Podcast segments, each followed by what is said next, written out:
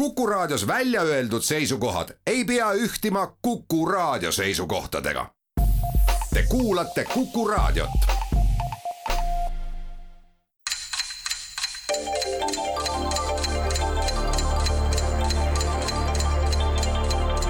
tarkade klubi targemaid küsijaid toetab lisateadmistega Postimehe raamatukirjastus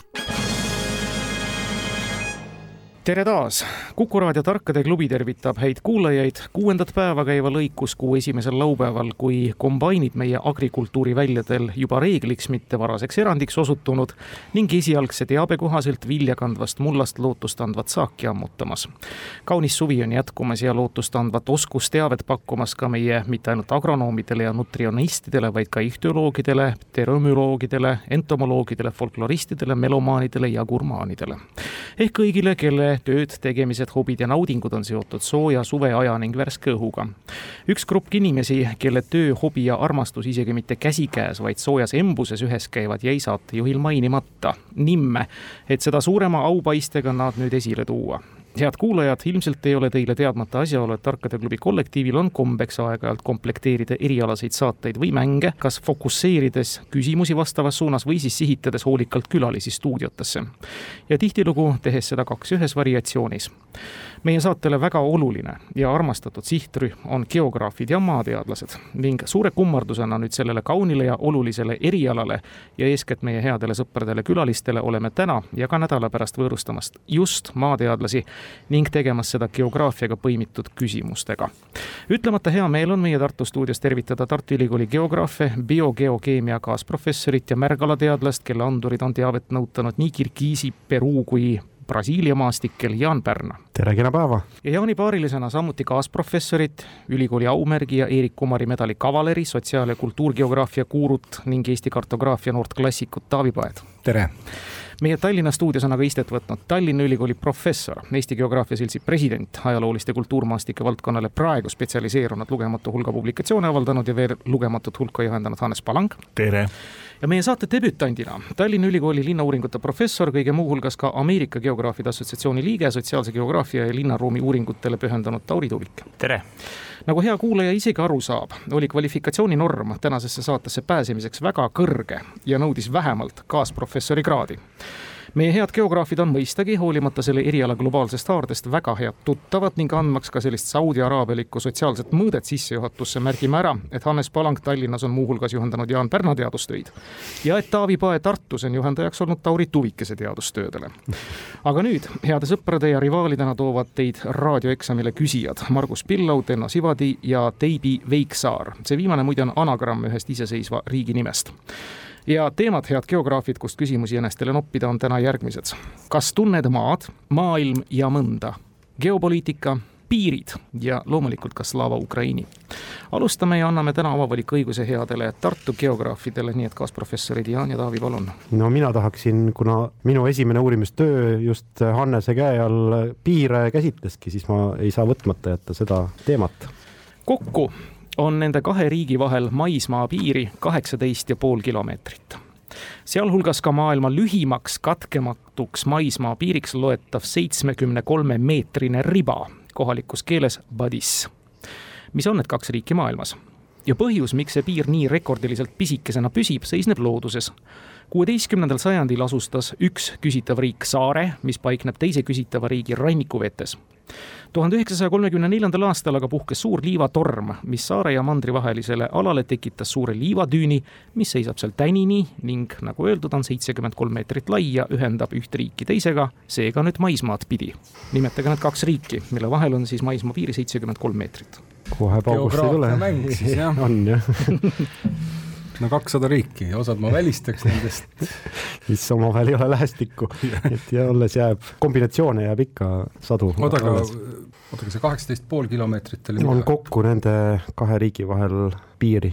aga see ei ole maismaapiir siis? see ikka on maismaa. ikka maismaapiir, aga lihtsalt seal vahepeal on midagi muud, võib olla kas teine riik, aga võib ka olla ju meri ja siis on seitsekümmend kolm meetrit piiri.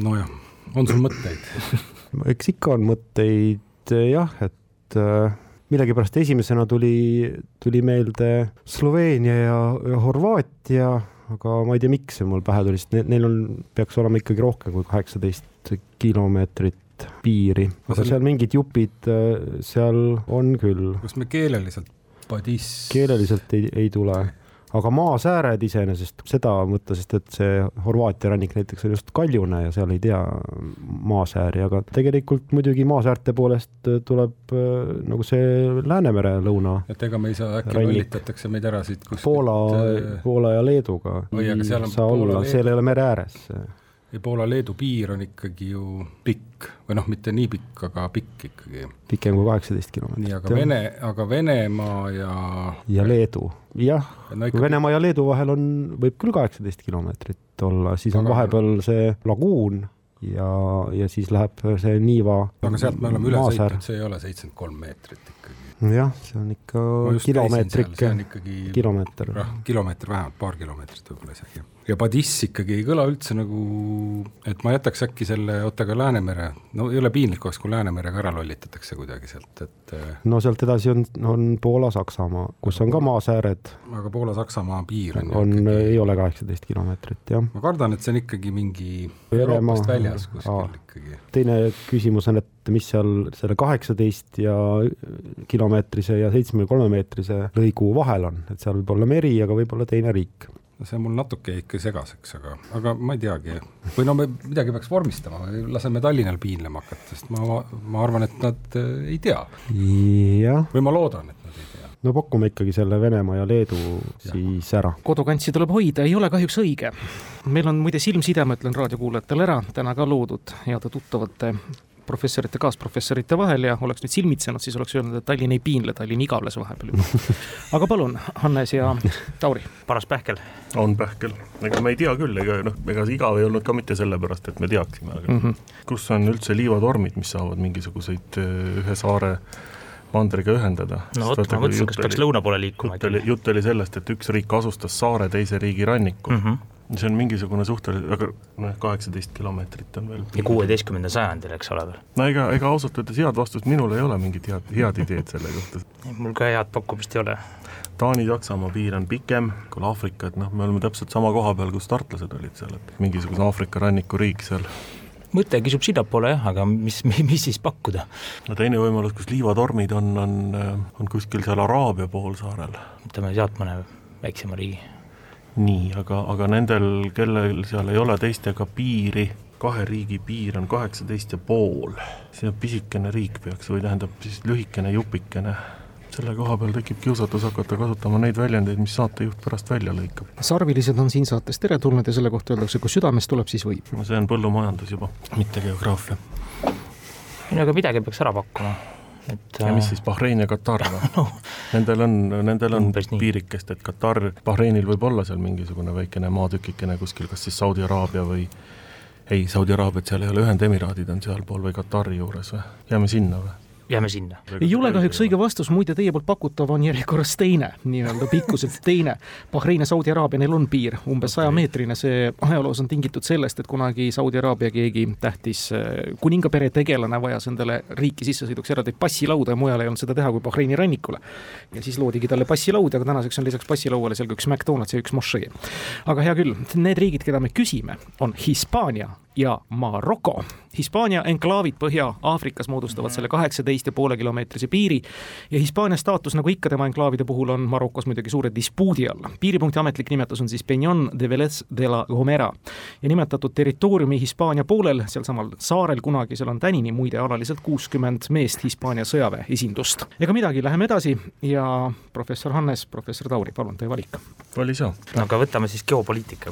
geopoliitika ja see küsimus tuleb teile Enno Sivadilt, suurelt geograafiahuviliselt Ingli rannast. Rooma paavst Clement Seitsmes keeldus tuhande viiesaja kahekümne seitsmendal aastal Inglise kuninga Henry kaheksandast esimest abielu kehtetuks tunnistamast.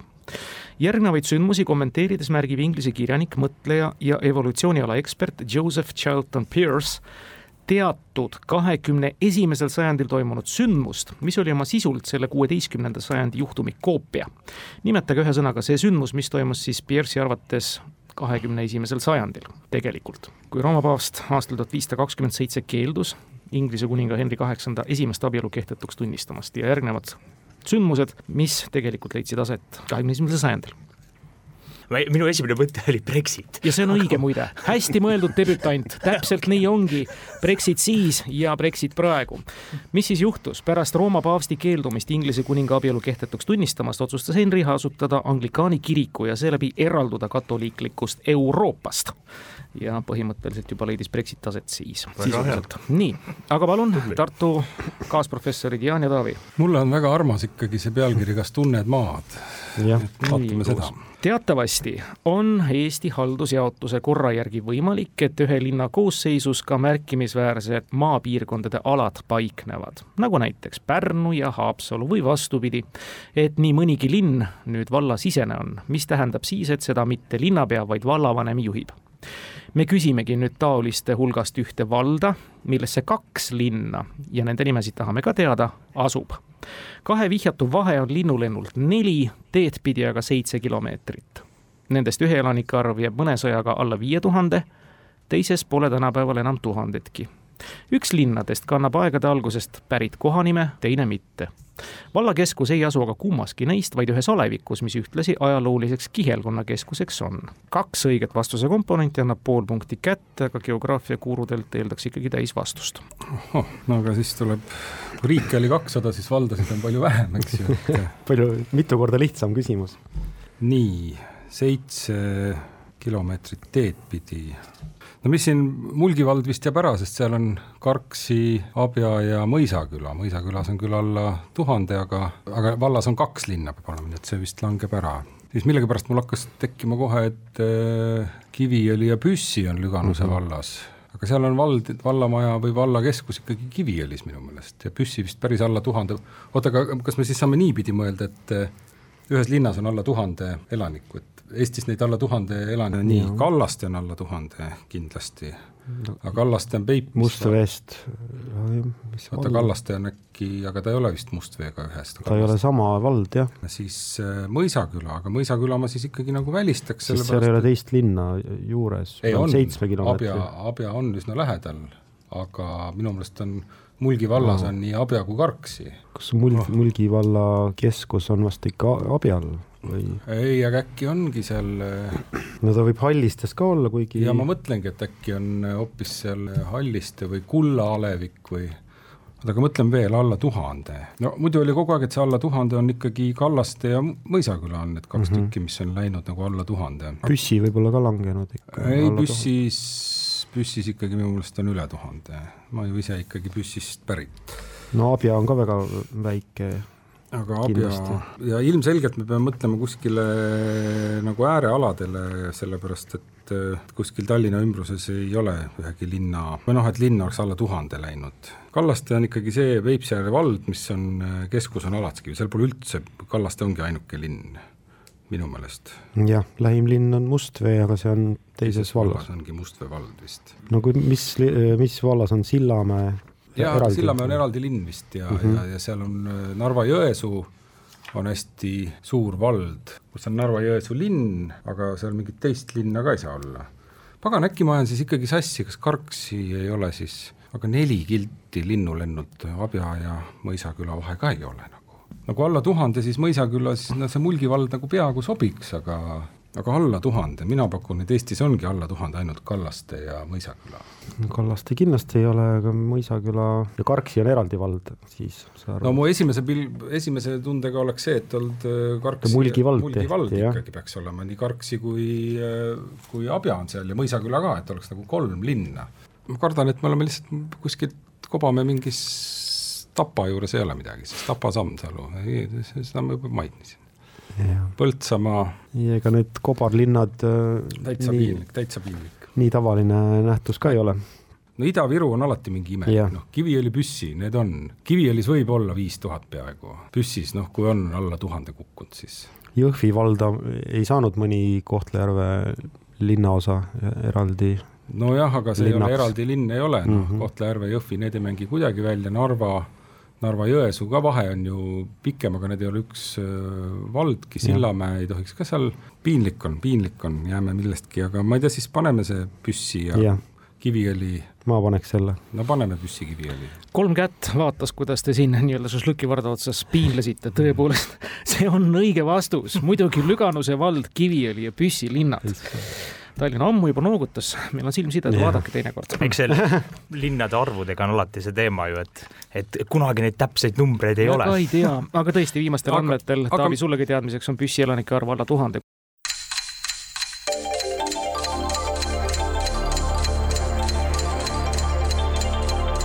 tarkade klubi targemaid küsijaid toetab lisateadmistega Postimehe raamatukirjastus üks-üks, Tallinn-Tartu pärast kolme küsimust, see tuli raskelt, aga loodetavasti sai siit mingisugune gaas eest ära. Tauri ja Hannes Tallinnas. mis me teeme, proovime Ukrainat või? no võtame äkki jah. proovime Ukrainat, vaatame, mis sellest saab. küsimus kõlab. milline geograafiline ala Ukrainas seostub oma nime järgi perekonnaga loodusest, mille ladinakeelne taksonoomiline nimetus on natrix, X-iga, kõik ühekordsed tähed. mütoloogia järgi omakorda on sama küsitav, teatud tähtsa kangelasega kokkuviidav. naatriks, graafiline ala, mis seal on siis? see kangelasega seotud. me ei tea vist, mis mütoloogiast või? ei tea jah, tähendab, mina tean. et ei pruugi olla Ukraina üldse või kuskilt? ei, ei Ukraina vaevalt, ühesõnaga lõunaots läheb ju Kreeka mütoloogiasse seal mm. -hmm. ja ma loodan, et Ukrainat ta käsitleb nendes äh, kahe tuhande neljateistkümnenda aasta piirides, eks ole no,, enne kui, enne kui asi jamaks läks Krimm ja Hersonesos seal Sevastoopoli juures, et see on nagu esimene asi, mis mul meelde tuleb. aga mis see naatriks siia puutub, ühesõnaga küsitakse, millist geograafilist ala, mis eeldab seda, et me teame täpselt, mis asi on naatriks, aga seda minu meelest me ei, vähemalt siin tundub, et ei tea. ja noh, teisipidi võib mõelda ka, et mis ala meilt äh, küsitakse, et äh, ja miks just seda, eks ole, Krimm oleks kuidagi võib-olla loogiline mõelda, aga mis need muud seosed siin on, võib-olla hoopis mingisugune, ma ei tea, Tšernobõli ala mm. -hmm. geograafiline ala. ilusa seose suudaks tekitada, aga see ei ole naatriksiga seotud. kui sa lähed Volõniasse ja võtad sealt pealinna Lutsk ja üritad seda ühe kalaga siduda. või ta tahab Bukovinat siis jah, millega see seotud võiks olla, Bukk, Pöök, perekond mm. -hmm. piiname või viskame Tartu ei, midagi võiks nagu ikkagi välja pakkuda. ei, tähendab, et äh, Bukovina on seostatav mingisuguse, ütleme, pöögipuu ja sellega mm. -hmm. ja Põhja-Bukovina, Tšernovtsi oblast jääb, jääb äh, Ukrainasse küll nii naatriks, naatriksist ma ei tea midagi, mütoloogia, mis see mütoloogia sinna puutub, teine on Herson, aga mis selle Hersoniga saab teha? Hersoni ja Hersonesusega, Hersoni oblastiga. sul see seosus oli, et võib-olla sellega antiik, antiik sellega. võib-olla, võib-olla selle võiks ikkagi pigem nagu ära panna, aga mis perekond see on muidugi? oot-oot-oot-oot-oot-oot, neil oli üks looduskaitseala sealt Nepri alamjooksul, selle nimi oli mingi Ascania Nova näiteks mm. -hmm. millega me selle seostame meil on terve hulk igasuguseid asju, aga me ei suuda seda millegagi seostada. kõik need asjad kokku panna omavahel on seostatav naatriksi perekonnaga, pakume Luganskit. mis see seos on? seda ei küsita. seda ei küsita paneme lihtsalt ühe ära. Lugansk jah, sest nad ei küsi, ta ei, ta ei defineeri seda, mis see ala on ja ta ei defineeri, mis see seos on, et paneme siis Lugansk ära või? Lugansk ei ole kahjuks, aga tore on õpetatud geograafi kuulata, ka geograafia teadmisi Ukraina juurest juurde koguda. Jaan ja Taavi. jah, kui nüüd, nüüd teaks, no tähendab, ma kõigepealt ütlen välja selle, mis ma tean siis või vähemalt arvan teadvat. minu meelest minu tagaaju ütleb, et see naatriks peaks olemagi nastik, kui ma nüüd ei eksi, aga sellega mu teadmised nüüd lõpevad, et nüüd algab tuletamine, et kõigepealt ma proovisin tuletada meelde Ukraina kangelasi, kes võiks olla nastikuga seotud, ei, ei tulnud ühtegi, noh, Ukraina on muidugi hiigelsuur maa ja seal on selliseid Eesti suurusi ajaloolisi piirkondi kümneid. Õnneks ma neid, neid suuremast osa ei tea, et midagi me siin kirjutasime ka Taaviga, suurem osa nagu teaks mingeid muid tüvesid äh, nendel, noh, sama Volõnia, Galiitsia muidugi ei tea näiteks, kust tuleb. no see stepp on ka niisugune huvitav sõna, ma korra jäin mõtlema, et ega see, see vist ei mulle, mulle ole... väga meeldis, et Hannes Palangul on jäänud Jaan Eilarti loengutest meelde Ascania Nova, kuhu ja. siit Eesti alalt, Falts Fine oli vist ta nimi, kes läks, tegi stepi kaitseala, nii et äh, koolis käimisest on ikkagi kasu, aga Ascania Novat ülikoolis, aga ega selle Ascania Novaga ka kuskile edasi, aga see oli, see peaks olema Stepi mingi kaitseala. siis mulle tuli veel niisugune ilus nimi ju, ta võiks ju olla, hea küsimus on ikka see, et kus vastus on selline, et kõik teavad, on ju, et mhm. et näiteks Karpaadid, et ega ma ei mm, -hmm. et mis, mis see, aga ega mingit äh, ei välista, aga ei kinnita ka ja,. jah, jah, aga vist need teised nimed siin, tallinlased ka rääkisid Bukovinast, Volõniast, Galiitsiast, äh, Jaan pani veel Podoolia, Polessia Tšerkassoi või Tšerkessia. aga ta võib muidugi olla ka mingi tänapäevane oblasti nimi, seda selles mõttes seal kavalalt oli jäetud äh.... aga neid, neid ongi kümneid, mitu, mitukümmend. no Tallinn... üks, üks sellest piirkonnast sealt äh, noh, Moldaavia kandist on Pokutja aga. seda ma pole kuulnudki. no pakungi siis selle Pokutja. ei ole Pokutja, head sõbrad geograafid, küll te mõtlesite üle, ma mõtlesin, et juba tuleb ära, kui sa naatriksi ära defineerisid. see no. on nastik, nastik on teadupoolest madu ja Taavi ütles väga õigesti yeah., hea vastus on see, mida kõik teavad, see on see kuulus kahekümne hektari suurune Zmilnõi saar, tõlkes siis oh, Mao yeah, saar yeah, ehk Ussi saar no muidugi jah. ma panin muide... selle nastiku peale kirja, aga no, no näed, tagantjärele tarkus on täppis teada. see vetehoovus toob aeg-ajalt lähedal asuvast Donau deltast sinna madusid mm. perekonna perekonnast natriks ehk nastikud, selle järgi siis nimi tulnud ja mille liike siis vene keelega sõnaga už, ukraina keeles aga vuž nimetatakse, eestikeelne sõna uss ongi siis tõenäoliselt siis vanaslaavi laenutüvi. ja vihjatud kangelane, lahendame selle nüüd ka ära, on Achilleus, kes mõne müüdiversiooni mm. kohaselt Iliase eeposes kirjeldatust erinevalt Trooja sõjas kanda haavata saanuna ei hukkunud, vaid hoopis resideerus seal tollase nimega Leuke ehk Valgel saarel. Achilleus oli samuti muide Musta mere põhjaranniku stepirahvaste maokultusega seotud. see küsimus jäi meil vastuseta, aga küll tõi palju lusti ja naeru ja Ukraina geograafia kohta teadmisi ka juurde. Jaan ja Taavi, teie valik. no ilus oleks äh, saada kõik lahtrid täis esimese poolega ehk siis maailm ja mõnda ja küsimuse autor kohe ka ütleb, et antud küsimus ei olegi otseselt geograafiaalane, aga vastavast üldtemaatikast omataoliste hulgas vähemalt näiliselt võiks olla ikka sobiv. me tahame üht naisvõlurit või haldjat keldi pärimuse järgi kuningas Arturi emapoolset poolõde teada. oma valitsejast vennale ja ta ümarlauarüütlitele oli küsitav mitmete säilinud lugude põhjal pigem konkurent või koguni ebameeldivuste valmistaja, kes mõnede versioonide kohaselt Arturilt koguni Excaliburi ära näpanud olnud selle haldja nimi on aga loodusteadustes konkreetses tähenduses üldtuntuks saanud, seda muuhulgas ka Eesti teatud piirkondades avalduva ühe fenomeni põhjal. mis nimega naistegelane või missugune kaudselt geograafiaga seostatav fenomen hmm.? ma ei tea, mul tek-, mis asi on härmalõng? ei, looduses ma ei tea sellist asja, no välja arvatud, et, et need äh, ämblikuvõrgud, mis ei, ei, ei, et oota, üks, üks mingitest loomakestest teeb no. mingi omapärase mingi niisuguse keti aeg-ajalt, mis on selline, mida Eesti looduses on, ta ei ole mm. väga sage või ma ajan midagi sassi, aga mingi selline asi on, aga aga milline? mis selle Eesti looduse kohta ta Eesti loodusest, et ta on ka Eesti teatud piirkondades avalduva ühe fenomeni mm. põhjal tuntud. fenomen, no looduses nagu tund-, noh, et on see rotikuningas näiteks, et see, mul ei tule meelde see Härma Lõnga, mis seal trikk mm. oli, aga see on mingi see, et sa leiad mingi sellise mitme meetri pikkuse sellise mm. ma ei mäleta, kas see oli seotud mingi paaritumise või, või mingi muu asjaga. jah, ma seda ei, ei tea, aga veel fenomene geograafilisi. loodusteaduslikke no, pigem. loodusteaduslikke, mida on Eestis teatud kohas nagu noh mm -hmm., selles mõttes, et just, teatud piirkondades. et jah, see ei saa olla kindlasti astronoomiaga mhm. seotud mm, -hmm. sest seda näeb ikkagi igal pool, selles mõttes mulle see Ärma Lõng mm -hmm. nagu meeldis, et, et see mingit teatud tüüpi putukas teeb seda, teeb sellist omapärast asja, eks ju. et äkki sellel Härma Lõngal on mingi selline mm, -hmm. see on mhm. rahvapärane nimetus, aga äkki sellel on olemas nagu ja, see, võib-olla ma panen üldse muidugi täiesti, olen vales kohas, aga, aga vastame, vaatame, mis Tallinn piinleb see on nii ilus vastus, kahju kohe nulli keerutada ja, ja ma mõtlesin, kuidas nüüd inglisepäraselt siis võlur härma võiks kõlada, ei, ei tulnud praegu. aga Hannes ja Tauri? ma arvan, et see märksõnad olid siin see teatud piirkonnas vist mm, -hmm. ma sain niimoodi aru, eks ole. ja fenomen. ja fenomen ja, ja mis oli loodusteaduses mm -hmm. ja mhm, mitte mhm. isegi niivõrd maateaduses, ehk mm -hmm. siis äkki midagi bioloogia valdkonda kuuluvat või? no mul käis esimese asjana Virva tulukene läbi rabades aeg-ajalt seal, eks ole, eksitab Raba inimesi ja teeb igasugu sigadusi. aga, aga seda nüüd mingiks äh, korralikuks terminiks tõlkida tagasi, niisugust, mis võluri nimeks õigupoolest tõlkida, et see on natuke laialdaselt tuntud loodusteadlased, mulle tundub, et see peaks mingisugune sõna olema, mis on sellise väga, kõik teavad äkki või, või, või kuidagi kasutatakse võib-olla väljaspool Eestit ka. kas Lõuna-Eestis virmalised paistavad? paistavad.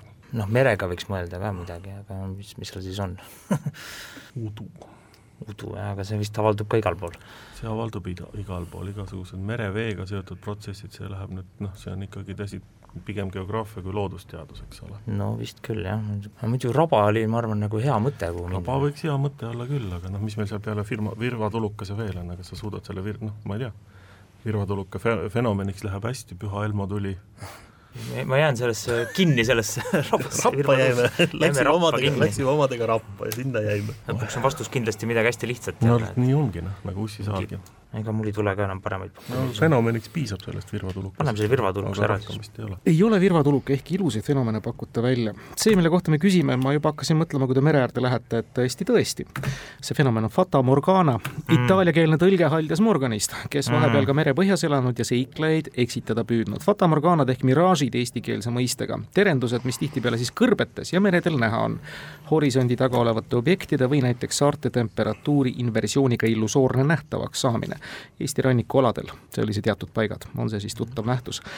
raskelt tuleb, küsijaid on see mäng kindlasti väärt. Ja seis on üks-üks poole mängu peal, me jätkame. Ja Hannes, Tauri, teie valik. no nüüd me oleme uuel ringil, eks ole. võite minna, aga ei pruugi. siis läheme jälle geopoliitika peale. No,, läks vist hästi. jaa, ja me küsime ühte konkreetset riiki. Selle riigi ainus kahekordne president jõudis olla Sam Houston olles siis üks viiest. tema kahe ametiaja vahel aga selline mees kui Mirabeau Bonaparte Lamar, tunnustatud poeet, diplomaat ja ka sõjaväelane. selle riigi esimeseks tunnustajaks ehk siis nii-öelda meie Islandiks oli Taani. diplomaatilisi ja eeskätt ärilisi suhteid viljeles riik, muuhulgas ka Hansalinnade Lübecki, Bremeni ja Hamburgiga. milline oma eksisteerimise aegu nii umbes miljoni ruutkilomeetrine ja samas vaid seitsmekümne tuhande elanikuga riik. kisub sinna ajaloo valdkonda. Taani tunnustas ja Hansa linnadega pidas äri. James Houston oli Sam Houston. Sam Houston. ja miljon, mis ta oli, miljon ruutkilomeetrit? miljon ruutkilomeetrit. igavene suur. seitse tuhat elanikku. seitsekümmend tuhat. seitsekümmend tuhat. ja eks see on jah, väga inglispäraselt, eks on, esimene nimi, Sam Houston on küll niisugune inglisepärane. Lähme kuhugi Euroopast äh, kaugemale. mis need ülejäänud presidentide nimid, üks oli mingisugune Bonaparte? jaa, aga üks ongi siin mainitud, lisaks Sam Houstonile, Mirabeau, Bonaparte, Lamar. ja viis presidenti oli kokku, siis võttis keegi selle miljoni ruutkilomeetrit ära ja annekteeris, aga miks Taani pidi selle lahti tegema? enam ei ole riik, ma eeldan siis, et midagi ei no see on ilmselt kellegagi kokku pandud. midagi kokku liidetud jah, aga mis siit äh, see Mirabeau Bonaparte Lamar on mingi suhteliselt kahtlane, kahtlane presidendi nimi, et see James Houston, ma ei tea. kus me lähme geograafiliselt, et kas lähme rändame üle mere kuhugi? no Taani, Taani tahaks, et läheks kuskile üle mere. ühest küljest, see, et Hansa linnadega nüüd eh, kaubandust pidas, see nagu miks ta nüüd Hansa linnasid rõhutab just, et see võiks nagu justkui suhteliselt nagu mingi mitte kõige uuem asi olla mm. -hmm. samas presidendid on, ütleme, üheksateistkümnes sajand, ega siin enne, enne kaheksateistkümnendat sajandit väga palju presidente kuskil välja ei pakutud mm. -hmm. miljon ruutkilomeetrit on suhteliselt suur ala. see on ikka väga suur. see on äh, tühi ala sisuliselt seitsekümmend tuhat inimest, seal ei ole suhteliselt mitte midagi. niisugune paras Gröönimaa. ja kui üks president oli Houston ja järgmine oli Lamar Buenaporte. no me kindlasti merele avatud riik, midagi Ladina-Ameerikast. see Hansa linnade asi ei meeldi see on kuidagi imelik, jah. väga kahtlane lugu.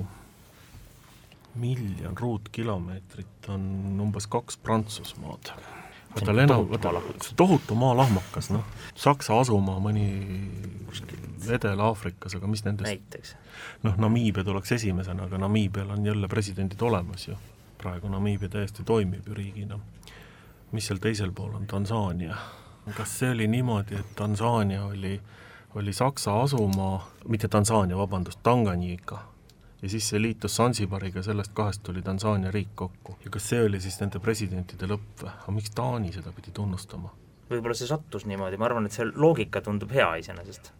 Kuna see oli, kui sakslastelt kolooniad ära võeti seal kahekümnenda sajandi alguses, et siis mm -hmm. no teeme niisuguse konstruktsiooni, et Tanganyika. väga hea konstruktsioon, ei toodud kahjuks punktile, Jaan ja Taavi Hansa ei lähe vist ju kokku siis jällegi, kas nad peavad ühel ajal olema, see, see äri? ei, Hansa linnadega, et noh, veel mingi Hansa Hansa linnadega praegu aetakse ka äri, aga nad ei ole nagu Hansa linnad, eks ju. on, Hansestadt no, Bremen, et seda see on, ütleme, võib-olla kuld-, selline põnev kultuuriseos lihtsalt. jah, aga kaubandust võis teha kõigiga, aga ikkagi ei no kaubanduslepingud äh, olid olulised äh, asjad. aga, aga suur, seda me saime aru, et ta on suur ja vähe rahvast, mis viib mõtted mm. ikkagi minul kuhugile põhja poole aga samas jällegi, jällegi seesama teema, et kui me räägime Hansa ajast, siis kas üle ookeani, kui uus maailm pole sisuliselt ju, kui uus maailm avastati, siis Hansa nagu kadus väga laias jaa, Hansa, Hansa oli alla käiguteed minemas juba jah, mõnda sajandit, aga no eks ta midagi ju, riismeid äh, oli, isegi Tallinnas oli mingeid äh, Hansa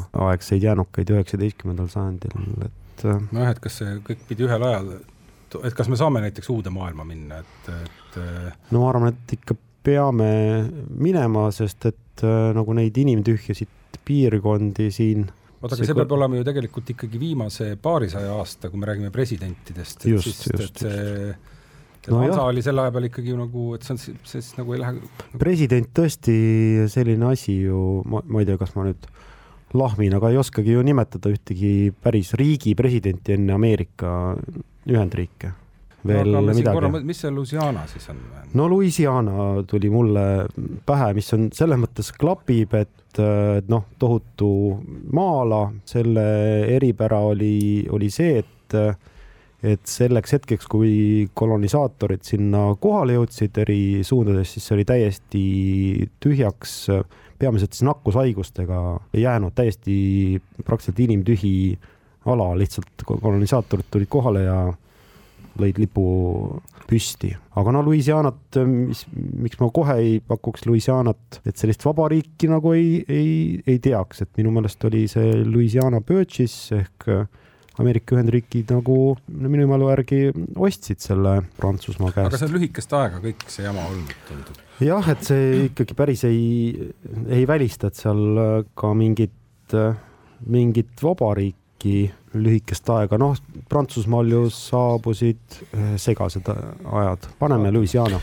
ei ole ka see õige vastus, te olite küll lähemal, oluliselt lähemal geograafiliselt, Louisiana vabariiki kui sellist ei olnud, küll aga ma mõtlesin, et see Sam Houston ütleb teile kõik ära. Houstoni linn Texases on saanud selle järgi nime tõesti, Texase vabariik mm. -hmm. Texase revolutsiooni järel Mehhikost eraldunud ja aastatel tuhat kaheksasada kolmkümmend kuus kuni tuhat kaheksasada nelikümmend kuus mhm. iseseisvana püsinud riik kuni USA anneksioonini. ja territooriumilt ulatus ta siis tänase Mehhiko aladelt kuni tänase Vermonti osariigini põhjas välja.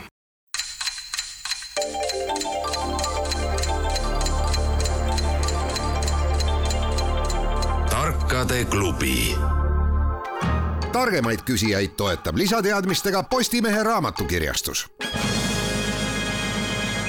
Jaan ja Taavi, te valite neli küsimust lõpuni, viigiseisult jätkame, üks-üks. kas tunned maad, paluks? selles küsimuses ühendame pinnavormide iseärasuste tundmise majandusgeograafia spetsiifikaga ja lisame näpuotsaga ka irooniat ühte viie aasta tagust teatavat mainekampaaniat, mille keskne visuaalne element stiliseeritud rändrahn oli, meenutades rändrahnu taga on kindlasti vägagi väärikad tegelased ning nalja me nende üle ei heida, vaid küsime, kus asub või mis nime kannab oma pealt viiekümne kaheksa meetrise ümbermõõdu poolest suurim Eesti maismaa rändrahn vihje, selle vahetus naabruses asub ühe tuntud ettevõtte allasutus või täpsemalt asutusel, mille käive vastava emaettevõtte kogukäibemahust poole moodustab, on antud küsitava tõsise kivi naabriks olemise suur au. no see no koolis ikka ju ja raamatutes on, et Eesti suurim rändrahn on Muuga kabelikivi. õige vastus ja välk vastus, tubli, tubli, tubli, see on Muuga kabelikivi ehk liukivi, ei mingit taga, Taavi. ei, ei see ehalkivi, ma mõtlesin, see on natukene vee sees ju, et maismaa, maismaa noh, ühesõnaga ja, ja las olla. lihakivil vist ei ole ümber, ümbermõõt nii, nii suur. ja Muuga kabelikivil tegelikult ei teagi keegi, kui kuna see on maa all. keegi pole vaatamas käinud. niisiis Tallinnas sadama, Muuga sadama naabruses ametlikult ruumala ja massi järgi loetakse Eesti suurimaks siiski Letipea ehalkivi, veelgi mahukam Toodrikivi nime kandev asub aga hoopis Nõva ranniku lähedal vee all. kena, me läheme edasi Tartu Rebisenast kaks-üks ette, kolm küsimust lõpuni no mis me võtame? äkki prooviks neid piire veel no, korra? kõige lühemat me küsisime uh, -huh. läheme nüüd kõige pikema juurde. maailma pikimat maismaapiiri jagavad üksteisega Ameerika Ühendriigid ja Kanada. Neid kahte riiki eraldavad kaheksa tuhat kaheksasada üheksakümmend kolm kilomeetrit maismaad. pikkuselt teine piir on Kasahstani ja Venemaa jagada kokku seitse tuhat kuussada nelikümmend neli kilomeetrit küsimus on lihtne ja konkreetne, nimetage maailma pikkuselt kolmanda maismaapiiri eraldatud kaks riiki selle piiri pikkus on kuus tuhat kuussada üheksakümmend üks kilomeetrit ja see arv, õigemini arvus sisalduvad numbrid, tulevad tuttavad ette, kui mõelda siis emma-kumma riigi tuntumatel loodusobjektide peale. Mongoolia, Mongoolia, Venemaa, võib-olla veel kas Hiinal ei või olla mõnda piiri seal? mis see kuus tuhat kuussada üheksakümmend üks? no see on mingi mäekõrgus siis. jah, ja selle mäe nimi võiks näiteks Aconcagua olla või? no ei ole Tšiili-Argentiina piir on küll, on küll, see on Tšiili-Argentiina täpselt ja Argentiina territooriumile loetakse siis Lõuna-Ameerika kõrgeimat mäge Aconcaguat, tema numbrid on küll kuus üheksa, kuus üks, nii et kaks-kaks läheme ludinal edasi, nii et elementaarne geograafia on ikkagi käpas, peabki olema. Jaan Taavi. Slava Ukraini. maavarad kahtlemata on väga oluline maateaduse osa, lahterdub siis täpsemini küll geoloogia alla, aga ühe maavara üldiste varude poolest on Ukraina Lõuna-Aafrika Vabariigi järel maailmas teisel kohal tööstuslike varude seisukohast aga koguni esimesel ja me toetame loomulikult andmetele, mis on enne Ukraina sõdu jõudnud vastavasse statistikasse. missuguse maavara küsimegi? seda on Nikopoli maardebasseinist Dnepri jõe keskjooksu piirkonnas juba üheksateistkümnenda sajandi neljandast veerandist alates maa seest välja toodud puhtal kujul on küsitav ühtlasi keemiline element järjekorranumbriga kakskümmend viis omataoliste omadustega elementide hulgas maakoores teisel kohal. kaevandamisel leitakse seda aga kõige rohkem mineraalse maagi nimetusega pürolusiit koostisest. mis kursusel antakse tavaliselt geoloogiat geograafidele? esimesel siis on aega mööda läinud, jah. sellest on väga palju, see, kes mulle näiteks geoloogiat õpetas, on paraku juba vanalemees Volli Kalm no Jaan Pärna vist ametinimetus on äh, maapinna geokeemia. maapinna, maastiku. maastiku geokeemia, nii et palun, Jaan. noh, mis ma siis tean, kindlasti see piirkond äh, Ukrainas on kristallse aluskorraga paljandumise piirkond, ehk siis noh, see Lõuna-Aafrika viide ütleb ka, et selliste vanade ehk siis mitte settekivimitega on tegemist. samas see kahekümne viies element, see ei ole ju väga suur, et et see ei ole, muidu korraks mõtlesin ka Ukrainas on ikka oluline uraanimaardla näiteks, aga noh, siis need, need suured radioaktiivsed elemendid nagu langevad ära. aga mis meil siis, siis järgi jääks, kui ikkagi. Lõuna-Aafrika on kuld ja teemant, eks ju, nagu me niisuguse lihtsa koolitarkusega teame, aga vist kullaga ikkagi Ukraina no, ei, ei hiilga vist. ei ole kuulnud jah, võib ka ju hõbe olla, ei ole nii, nii suure järjenumbriga, aga noh, samas nojah, hõbedamaaki kohe ei tule ette, et kas see hõbe on peamiselt ehedal kujul, sest kulda, kulda kaevandatakse ju kindlasti, ei ole mitte maagina, vaid ehedal kujul. hõbe oleks tore vastus isegi, aga ega ma, ma tegelikult mm -hmm. ma ei mhm. tea. no ma ei tea, kas me muldmetallidest äh, räägime jah, no ütleme, et väetised ja no need oleksid nagu rohkem sette kivimitega seotud. no see kakskümmend viis jah, tõesti selle koha peal praegu tükk aega pole Mendelejevi tabelit jälle, jälle pähe, uurinud, pähe õppinud ega, ega, ega uurinud, no kusagilt äh, nagu tuleb, et, et seal noh, näiteks kaltsium, magneesium on selles kandis või isegi suurema järjenumbriga ehk äh, aga noh, need, need on kindlasti rohkem settekivimitega seotud, et äh, kui ma pakun liitium. ei ole liitium kahjuks. Tauri ja meie kord või? Teie kord. Hannesel on seal, seal üks pakkumine. seal oli üks niisugune lause sees, et ta oli omasuguste hulgas maakoores teisel kohal. äkki on alumiinium siis või? Ei ole, aga õiges suunas läksite, et tegemist on metalliga, tegemist on mhm. mangaaniga mm.. tegemist on niisiis metalliga ja maakoores on teda raua järel sageduselt teisel kohal. seal on isegi mingisugune linn küll, mille nimi on Marganets. noh mm -hmm., ju siis mhm. on tegemist, eeldame, et selle no, kaevandusega. no oletame. me läheme siis klapib pine..., siis klapib. pinevalt viigiseisult kaks-kaks vastu Maailm ja mõnda nimelisele küsimusele, millele saavad Hannes ja Tauri mm, -hmm. oh, Tallinna Ülikooli okay. professorid esmalt vastata, küsijaks Tenno Sivadi Cecil Chubb leidis endale kaasa kriketimängu ajal ja tuhande üheksasaja teisel aastal abiellus ta Mary Bella Alice Finchiga.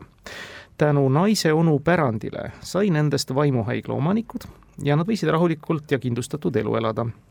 kuna Mary soovis, et mees kingiks talle kardinate komplekti, sattus Cecil aastal tuhat üheksasada viisteist ühele oksjonile kuid kardinate asemel omandas ta hoopis väärtuslike kivide kollektsiooni, sest ka vääriskivid olla Meerile väga meeldinud. kui aga naine sai teada, et need väärtuslikud kivid maksid kuussada kaheksakümmend tuhat naela, siis läks tal tuhin korra pealt ka üle Sisseli ja Mary Chubi järglased kinkisid hinnalise kivikollektsiooni hiljem riigile ehk Briti rahvale, mida võis ühe naela eest ka vaatamas käia.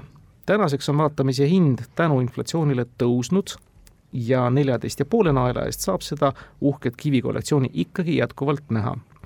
ja mis oli see kollektsioon, mille Sissil Chubb tol korral oksjonilt oma naisele ostis?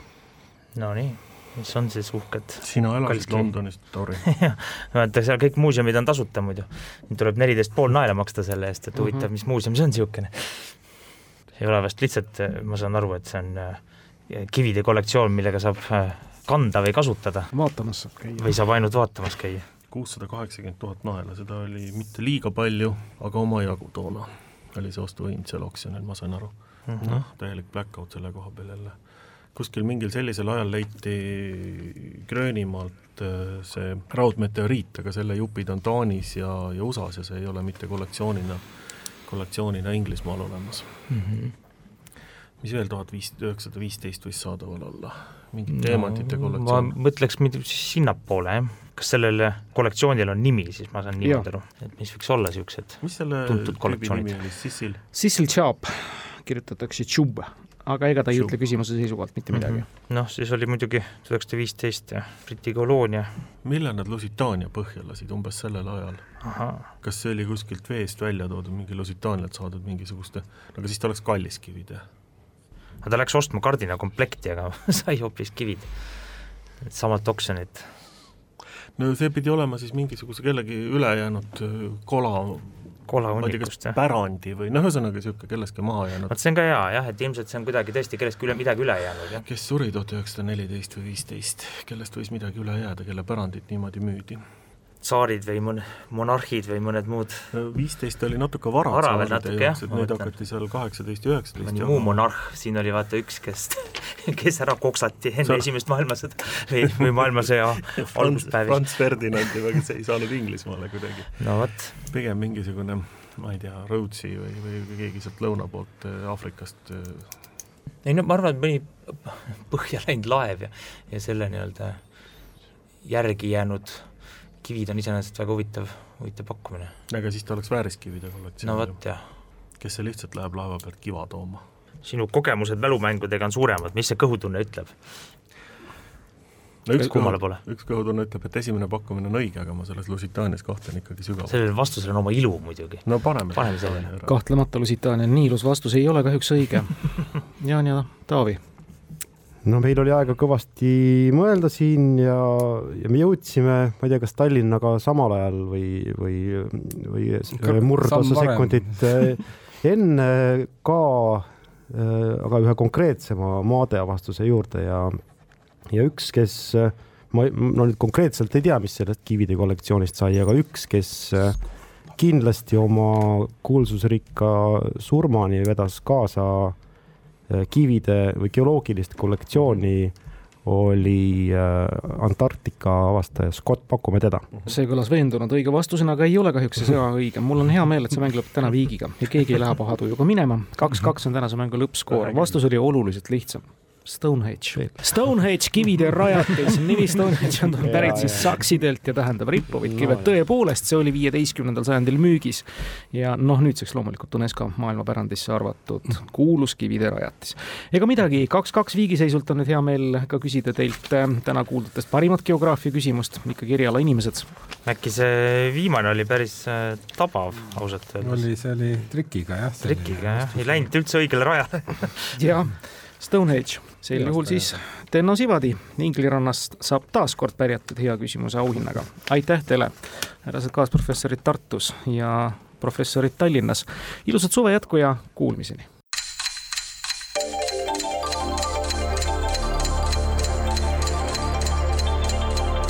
tarkade klubi targemaid küsijaid toetab lisateadmistega Postimehe raamatukirjastus